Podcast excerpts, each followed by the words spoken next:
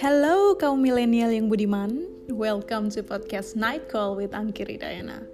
Ngobrol yuk sama saya, ngobrolin segala macam permasalahan para kaum milenial.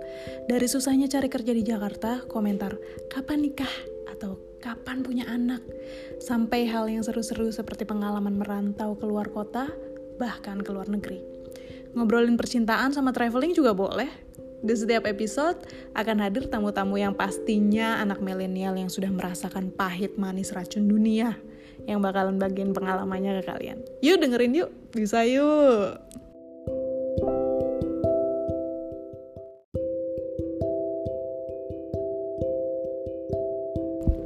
Hai, selamat malam. Malam ini saya mau ngobrol sama sepupu saya sendiri tentang perjuangan hidup. Sepupu saya itu namanya Dea. Dea ini menurut saya adalah salah satu orang yang paling tekun yang pernah saya kenal. Kalau dia mau sesuatu, pasti dia kejar sampai dapat apa pun resikonya. Dea memulai karirnya sebagai pegawai bank di Jakarta 6 tahun yang lalu.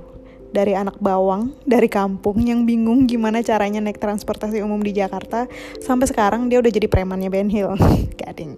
Intinya, kalau orang memulai mimpinya dari zero to hero, kalau dia justru dari minus to hero. Dari tinggal di kosan kumuh di daerah Ben Hill sampai sekarang dia sedang bangun rumah pertamanya sendiri di Purwokerto. Wow, hebat ya. Kaum milenial wajib banget dengerin cerita dia biar terinspirasi. Yuk kita dengerin obrolan saya dengan dia.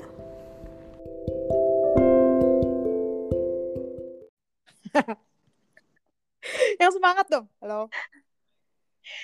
Halo. Oh iya, cantik Kayak pegawai bank kan? Iya bener. Dek, gimana apa kabar? Baik. Eh, enggak sih. Lagi isoman. Lagi isoman karena lagi positif COVID, guys. Iya, Dia udah berapa hari ya? udah 9 hari. Ya udah lima hari lagi ya, didoain cepet positif. Eh salah, cepet negatif. Iya, terima kasih. Dek, sambil isoman, yuk sambil itu yuk ngomongin kemiskinan yang gak masuk akal masa lalu itulah. Zaman Zaman miskin gitu. zaman miskin banget. Jadi dia ini adalah seorang pegawai bank di Jakarta, pegawai bank swasta yang terkenal, yang lagi uh, work from home di Purwokerto ya, Dek. Iya, betul. Dek, ceritain dong kamu udah berapa lama sih kerja di bank di Jakarta? Pas banget bulan ini eh, masuk 6 tahun. Iya, yang pernah 6 tahun jadi pegawai bank. 6 tahun jadi pegawai bank. Jadi dari dulu eh jadi pegawai bank itu emang udah mimpi apa kecebur kayak aku dulu? Enggak, enggak kecebur. Kalau ini emang beneran cita-cita dari kecil. Soalnya kan dulu sering tuh nemenin nenek ambil uang pensiunan di bank, terus ngeliat teller di belakang konter gitu, rapi, Mm-mm. cantik, ramah kayak wah keren banget gitu kayak kerja pegawai jadi pegawai bank gitu. So, Itu umur berapa itu? udah punya pikiran seperti itu. oh, SD kayaknya deh, SD. Ampun, SD guys. Iya, Kayaknya kayak- waktu itu gue masih manjat-manjat pohon ya. Ini udah mikirin pengen jadi pegawai bank. Iya, soalnya kayaknya keren banget kan pakai seragam, rambut disanggul, make up gitu di belakang teller selamat pagi gitu. Oh, gila keren banget nih kerjaan gitu. Aku mau kerja kayak gitu.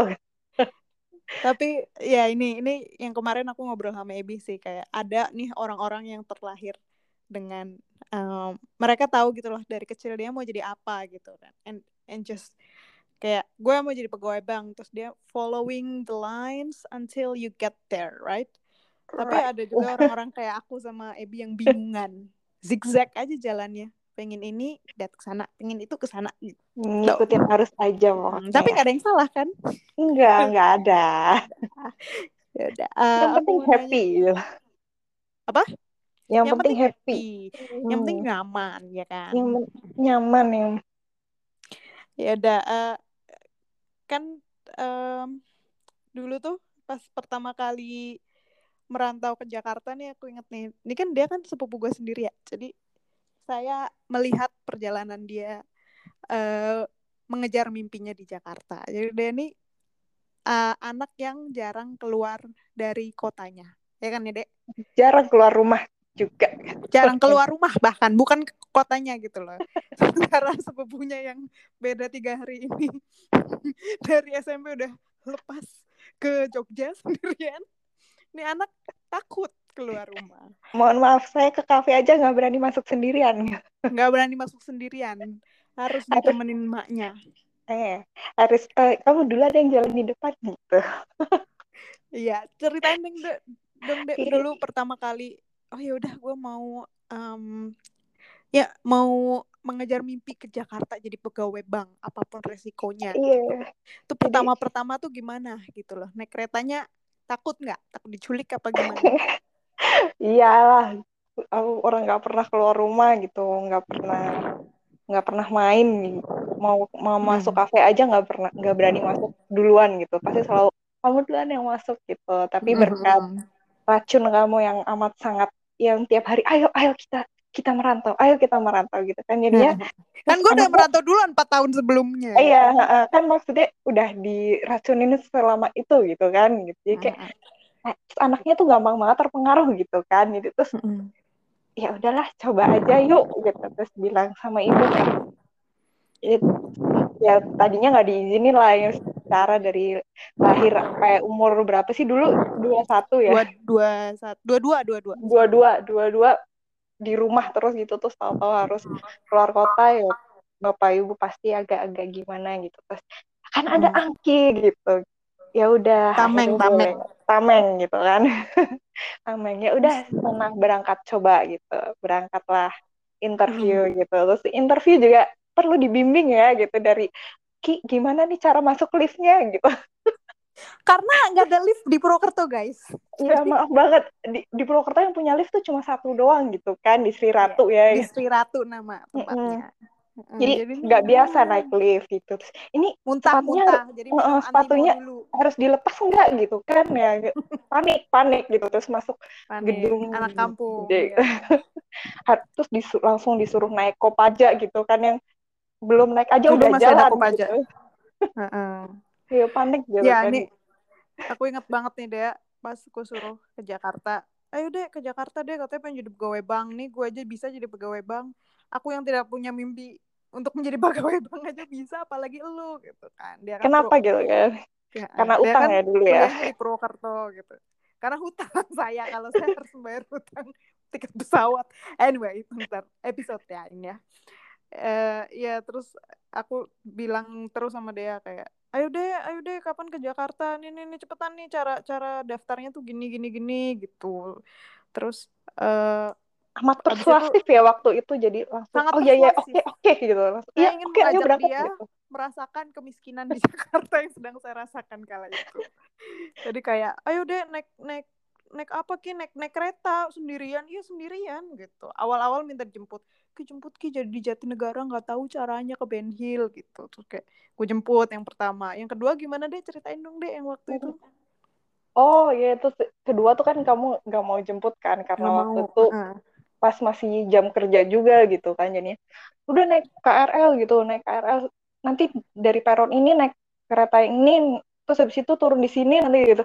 Uh, udah panik panik kepalanya gini Gimana takut nih? takut ya takut. Banyak banyak banget stepnya gitu kalau di Purwokerto kan sekali jalan gitu udah nyampe. Kalau di Jakarta kan nggak hmm, telepon sepupu banyak banget sepupu. Eh jemput woy gitu ya. Nggak bisa sekali nggak bisa sekali jalan gitu kan. Kayak harus naik ini terus naik ini gitu kan. Wow luar biasa. Terus habis itu naik KRL eh salah. Salah harusnya ke Ben salah naik oh. salah naik. Mm nyampe nya ke Cikini panik. Nelpon gimana nih? Mm ya udah naik yang arah sebaliknya gitu. Udah naik arah sebaliknya balik lagi ke Manggarai kan gitu terus gimana? Ya udah naik yang ke Ben Hill gitu. Udah nyampe Ben Hill. Terus turun di Sudirman. Nggak tahu lagi caranya ke Ben Hill kan. Gitu. terus gimana? Naik ojek. Nekat banget yang sepanjang jalan maki-maki gitu. Kayak wah wah minggir minggir. Panik takut di takut diculik gitu. Terus akhirnya turun. Karena takut diculik turunnya waktu itu gimana ya? Penjernihan. Udah deket udah deket gitu. Terus akhirnya naik ojek lagi.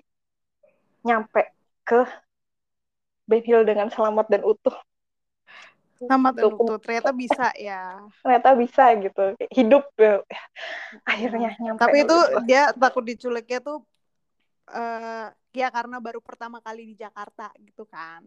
Iya, karena biasanya ke mana-mana sama orang ya, lain gitu. Ke mana-mana sama orang lain dan emang uh, di Purwokerto itu jarang banget bahkan hampir nggak pernah naik transportasi umum gitu karena ke mana-mana ya deket dan uh, biasanya dianterin bapak apa ibu atau naik motor sendiri gitu kan dek.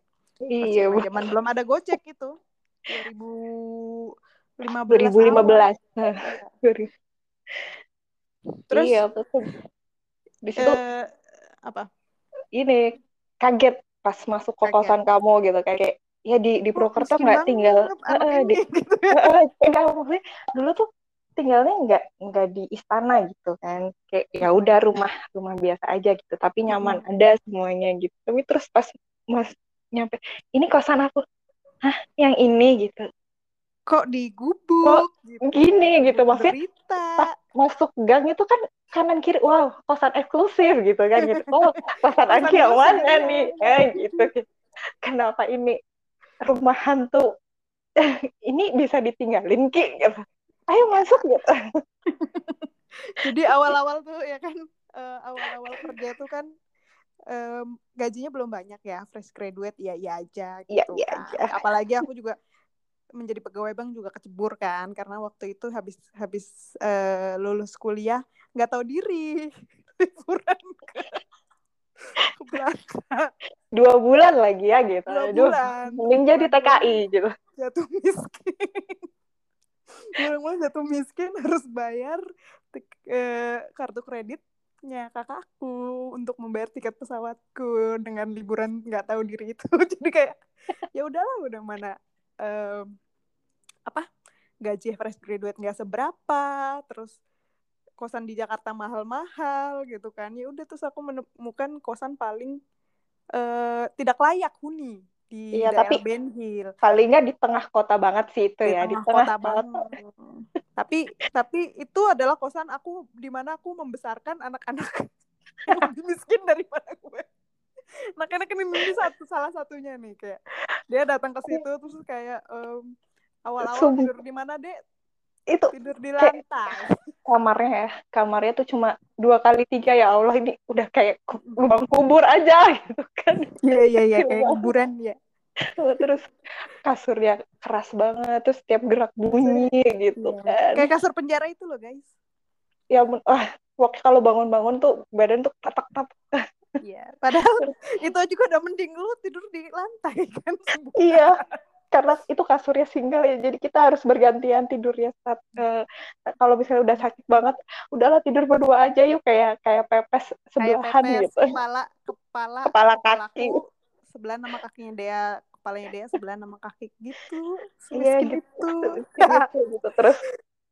Yang kamarnya tuh panasnya ya Allah udah kayak neraka pintu tujuh gitu ya, kan kayak lagi trial neraka gitu deh udah panas banget deh banget banget ya terus inget nggak dulu kita kalau siang suka main ke Sevel karena udah nggak tahan panasnya Iya, jadi saking panasnya terus nggak ada kipas eh ada kipas angin tapi angin cuma gitu doang.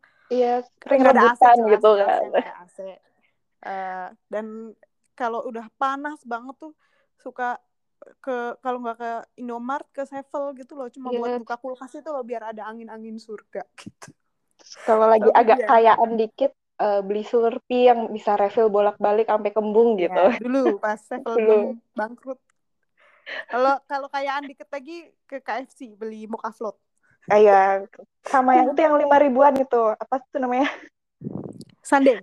Oh ya Sunday itu yang lima ribuan lah pokoknya itu mampunya iya, gitu uh, kalau ini nih uh, apa namanya kosannya tuh kamar mandinya kan terpisah ya itu kamar mandinya udah suka wah um, itu meluap Gak. airnya airnya ada airnya coklat jadi kita kadang kalau mandi pakai aqua kalau lagi punya apa kalau ada duit. temen di depan Ci boleh numpang mandi nggak karena kadang nggak ada air sama sekali gitu loh. Capek loh beli aqua buat mandi eh, doangnya nggak nyangka sih dulu bisa mandi di situ. Maksudnya aku kan orangnya iya, bersihan banget ya. gitu kan. Sejijian itu gitu. Sih itu kamar mandinya tuh udah temboknya lumut semua. Airnya coklat gitu. Ya ampun aku membasuh badanku dengan air coklat itu setiap hari untuk sikat gigi. Tapi bertoleransi dengan kemiskinan itu perlu untuk awal-awal menunjang karir ya kan. Bukan nggak apa ya nggak apa-apa. Nggak apa-apa nggak apa-apa. kalau, kalau boleh tahu deh pas awal-awal merantau ke Jakarta itu bawa duit berapa? Dulu tuh ya minus berapa ya? dulu waktu pertama kali merantau aku ingat banget duitnya. Berapa? delapan ratus tujuh puluh ribu. Itu tadinya sejuta. tadinya satu juta tapi udah dipakai buat beli tiket kereta sama naik ojek ya. Jadi dia delapan ratus tujuh puluh ribu gitu. Terus itu juga uh, insya Allah keterima ya waktu itu. Belum keterima soalnya pas udah keterima ya terus hidupnya gimana nih? Delapan ratus ribu uh, buat makan buat ngekos. Akhirnya uh, ngutang kamu ya dimodalin ya dimodalin ya, modalin modalin. Waktu itu aku pas banget. pas banget abis bagi THR ya. Iya bagi THR-nya tuh kayak cuma berapa ya? 4 juta kayaknya. Iya pokoknya dua, Dek, dua jutaan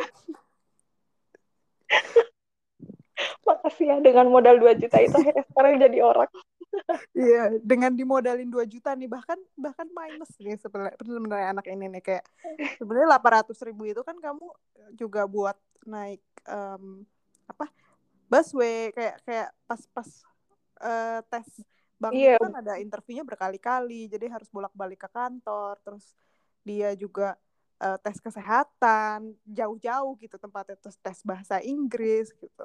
Itu iya. tuh duitnya tuh abis buat transport doang dia tuh transport dan sama makan kaget dan kaget juga gitu sama harga makanan di Jakarta gitu kan kayak Hah? kayak gini kayak gini lima belas ribu oh my god ya Allah ya, gimana gitu gitu. Di masih sering-sering puasa sih waktu itu. Iya. apalagi nih nunggu nunggu apanya? Nunggu, nunggu pengumumannya itu satu bulan dia nih. Iya iya dua mingguan gitu baru dikasih tahu lagi terus baru iya. sebulan gitu kayak jadi bayangin aja ratus ribu hidup di Jakarta ngirit um, tidur di lantai pakai kasur tiup. Yang kalau bangun-bangun pusing. Segitunya ya. Angki kerja gitu ya sambil sambil nyetrika baju kan biar dikasih makan gitu ya sama angki gitu. Hebat nggak punya duit punya pembantu ya waktu itu ya. tapi dia kan nyetrika baju itu hobi dia ini hobi. Nggak disuruh juga bersih bersih nyetrika ya. gitu. Ais mau ngapain ya? Nggak punya duit gitu kan nggak bisa ke mana-mana nggak berani ke mana-mana gitu. Ya udahlah ngapain gitu ya? Oh nyetrika baju kali ya gitu. Kan lumayan dapat pulang-pulang iya. dapat nasi gila gitu kan. Nasi gila iya benar satu bagi dua. Dek nah. kamu ada nggak sih cerita yang kayak um, ada momen yang di Jakarta yang kamu mikir kayak ini miskin sampai nggak masuk akal gitu loh kayak kemiskinan yang nggak masuk akal kalau temanku kan pernah cerita cerita yang kayak iya aku tuh sampai makan sajen ya nggak ada disuruh ibuku aku nggak ada makanan ya gitu kalau kamu ada nggak di Jakarta hal oh, yang ya. kayak ih anjay kok gue bisa yang dulu gitu ya gitu. ada nih jadi uh, kan setelah kita uh, tinggal kamar berdua berapa bulan ya? Ada tiga bulan tiga kali ya bulan, ya setelah bulan. lulus hmm. probation terus gajinya udah lumayan gitu. Akhirnya bisa bisa punya kamar sendiri. Ya ya di itu di, di tempat Bogor di kosan itu, itu juga. Cuma sebelahan aja kamarnya gitu. Ya hmm. cuma sekarang punya kasur sendiri jadi nggak perlu gantian tidur di lantai gitu ya. Akhirnya hmm. punya kamar sendiri nih kan. Terus kita pindah ke lantai tiga apa ya waktu itu ya iya ke lantai tiga. Tadinya di lantai dua terus di loteng bukan lantai di loteng. loteng. Oh iya. Lantai tiga yang uh, apa sih ini atapnya tuh miring gitu. Jadi kalau jalan tuh kepalanya harus miring jongkok, gitu biar nggak uh, nah udah di kamar itu tuh karena lama kosong kali ya jadinya waktu itu tuh pernah kayak ada gangguan-gangguan gitu. Kupikir mistis, mistis. Mistis gitu. Kupikir Kebetulan anak itu, sensitif nih, kalau saya kan enggak. Kupikir itu kamu gitu kan yang suka gangguin malam-malam. Nih anak ngapain sih gedor-gedor kamar malam-malam gitu kan. Tapi aku biarin aja gitu. Tapi terus besoknya aku nanya kamu kan, kamu ngapain gedor-gedor kamar? Enggak, enggak gedor-gedor kamar. Siapa orang di, di lantai tiga cuma bertiga waktu itu yang makan Nana gitu kan. Mm -hmm. Kanana nggak mungkin dong gitu kan. Terus akhirnya ya udahlah biarin gitu. Terus makin sering terus makin ada yang bisik-bisik gitu kalau lagi tidur gitu kan. Terus ya ampun ini apa nih? Nggak nggak bisa nih. Terus aku cari deh tuh uh, di sekeliling kamar gitu. Di bawah lantai eh di bawah kasur di lemari gitu. Sebenarnya takut cuma karena miskin gitu. Dan besok mm -hmm. harus kerja gitu. Aku nggak mau tidurnya diganggu gitu. Kayak aku harus nyari tahu ini apa gitu. Ya terus akhirnya sampai gangguan-gangguan itu tadinya aku nggak hirauin tapi kemudian suatu subuh menampakkan diri dan panik deh. Kayak ya. menampakkan dirinya gimana dia tuh? Itu waktu itu lihat di kaca gitu. Dia ada di belakang ngaca. aku. Lagi iya lagi kayak ibu. Iya kan? kayak aku lagi lagi ngaca terus di belakang aku. Oh my god gila gila. Ini enggak tapi akhirnya karena belum punya duit gitu deh kuntilanak. Iya cewek gitu. Kuntilanak. karena belum punya duit akhirnya bertahan di situ dua minggu. Hmm. jadi kalau orang normal yang punya duit kan lihat kayak gitu kan biasanya langsung pergi, ya. pindah ya, ya. kalau dia nggak bisa ya udah temenan aja. Cuma paling kadang kalau udah takut banget ya ke kamarnya Angki gitu. Hmm. udah nggak nggak sanggup nggak sanggup. Iya jadi kemiskinan yang nggak masuk akal ini membuat dia bertoleransi dengan satu kamar dengan kuntilanak. Ya akhirnya temenan ya sih gitu. yang penting lu jangan ganggu kan soalnya gue doang bayar dia gitu tapi itu iya, dilanjutin kan? sampai dua bulan kemudian soalnya ya kan? Iya dua dua bulan ya enggak sih? Kayaknya satu setengah. Satu setengah tapi... habis itu kita kayak dikit iya, pindah kayak kosan. pindah kosan. Kayak yang lebih layak lebih huni proper gitu, lah lebih proper gitu nggak kayak di yeah. gubuk derita itu.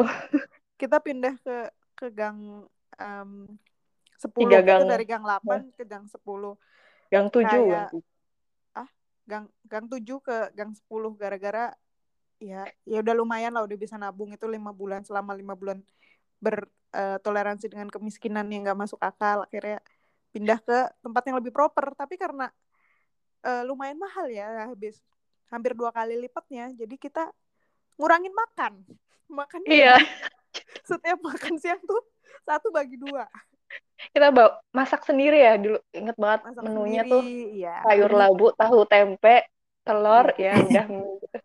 Satu tupperware bagi dua ya. Kalau kalau masih nanggung ya itu kayak uh, tempat tinggal dan makan enak itu adalah sebuah pilihan gitu. Lu harus milih salah satu. Kalau tempat tinggal lu enak makan lu nggak boleh enak.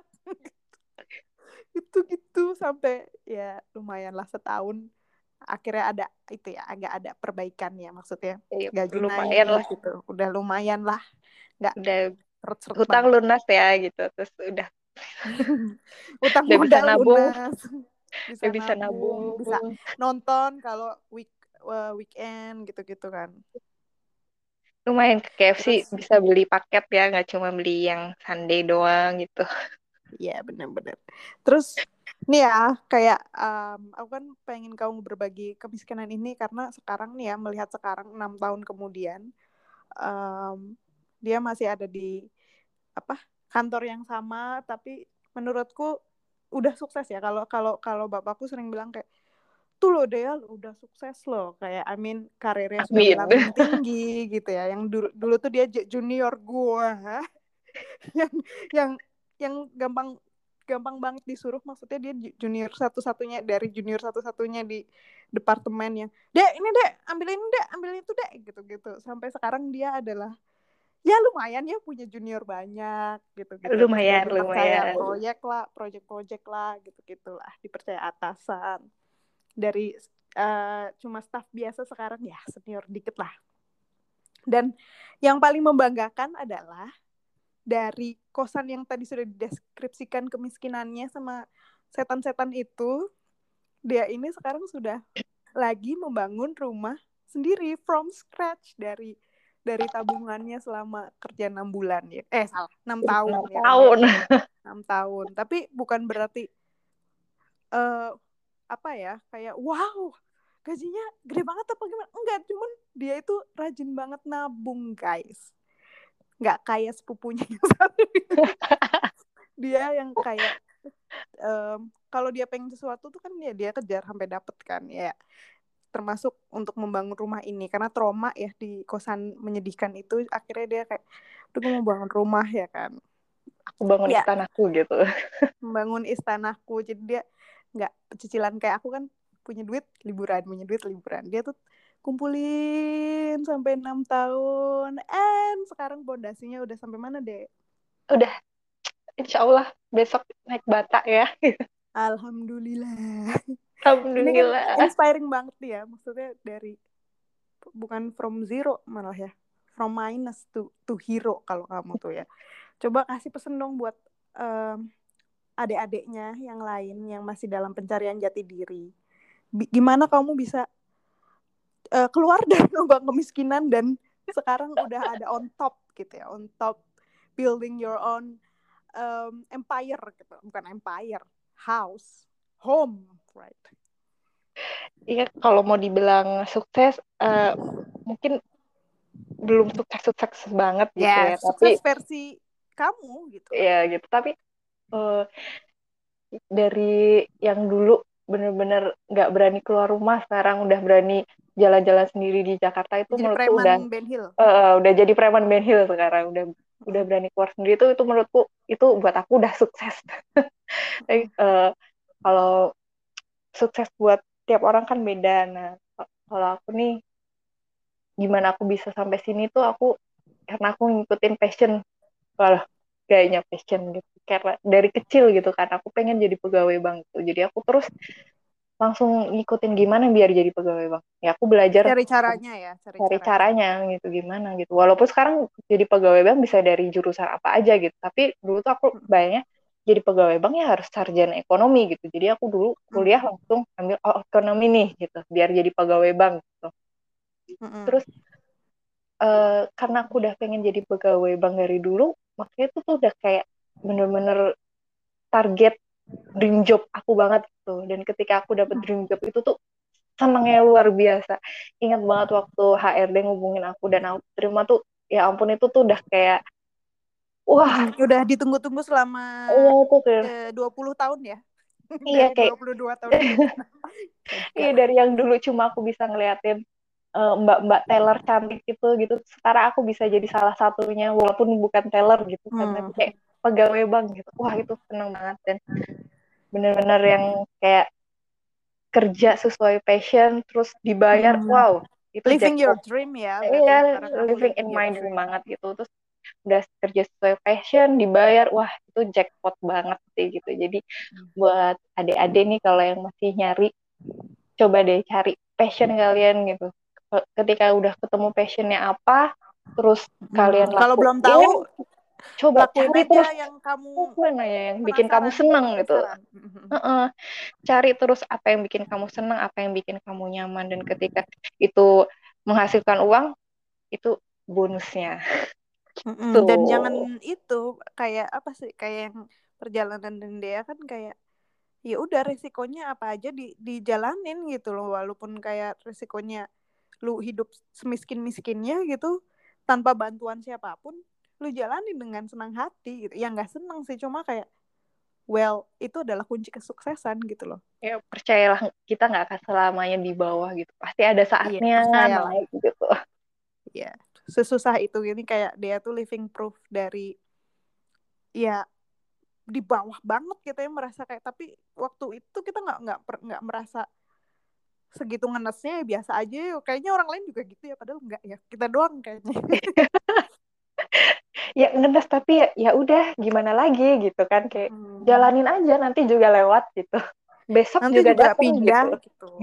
Ya, besok gitu. juga datang gitu nggak apa-apa uh, bener jadi kayak apa kayak bahkan cerita kita yang itu yang de, yang kayak saking panasnya itu maaf ya aku aku um, half naked ya uh, di depan di depan kipas angin. angin terus kayak masih aja keringetan terus ya udah yuk kita uh, pakai baju habis itu kita ke uh, ke Sevel. ke Sevel cuma ngadem gitu. atau enggak cuma cuma ke Alfamart cuma buat buka pintu kulkas biar sepanas itu kan Jakarta terus kayak buka pintu kulkas ah oh my god this is like heaven gitu kan. Dan cerita itu tuh sampai ke telinga HRD waktu itu. Nah kenapa pas aku balik ki lu nggak ke Alfamart lagi? Buka pintu kulkas gitu enggak enggak makasih enggak makasih sekarang I can sekarang udah udah punya AC ya gitu di kamarnya. Udah punya AC ya, alhamdulillah ya setelah berbulan-bulan maksudnya semua mimpi itu harus ada pengorbanannya gitu. You have to work work hard gitu loh. The best you can to get there gitu ya nggak ya? Oh, bener banget. Mantap. Ini uh, inspiring banget ya ceritanya ya. Bener-bener yang kayak, aduh, kalau kalian lihat dia tuh dulu kurus, miskin lagi. Sekarang kayak udah jadi mandor aja bolak-balik ngeliatin. Nah ini salah nih, ini batanya kurang. Tapi ya, I'm, I'm so proud of you and I hope people can learn from your um, story, your hard work, your poverty, dan kayak oke okay, jadi role model dia dia jadi role model di keluarga kami gitu. And thank you for sharing tonight deh. Tuh, sama-sama. Semoga bisa menginspirasi untuk orang-orang yang dengerin ya. Ya, kayaknya um, saudara-saudara kita juga harus mendengarkan ini ya, gitu. biar tahu kita itu dulu sesusah apa. Tapi uh, ya yeah, really really thank you uh, for joining me in this podcast tonight. And I hope you get well soon ya, kamu dan Freddy ya, kakak adik. Oh ya. Yeah. Besok selesai somannya. Besok selesai somannya. Iya ya udah, thank you ya dek. Um, semoga rumahnya cepat selesai, semoga cepat negatif hasil COVID eh hasil swabnya. And uh, see you soon, hopefully. Yuk cepet pulang ya. ya, cepet ke Bali ya, ya. Oke. Okay. ya udah, thank you deh. Bye. Thank you, bye bye.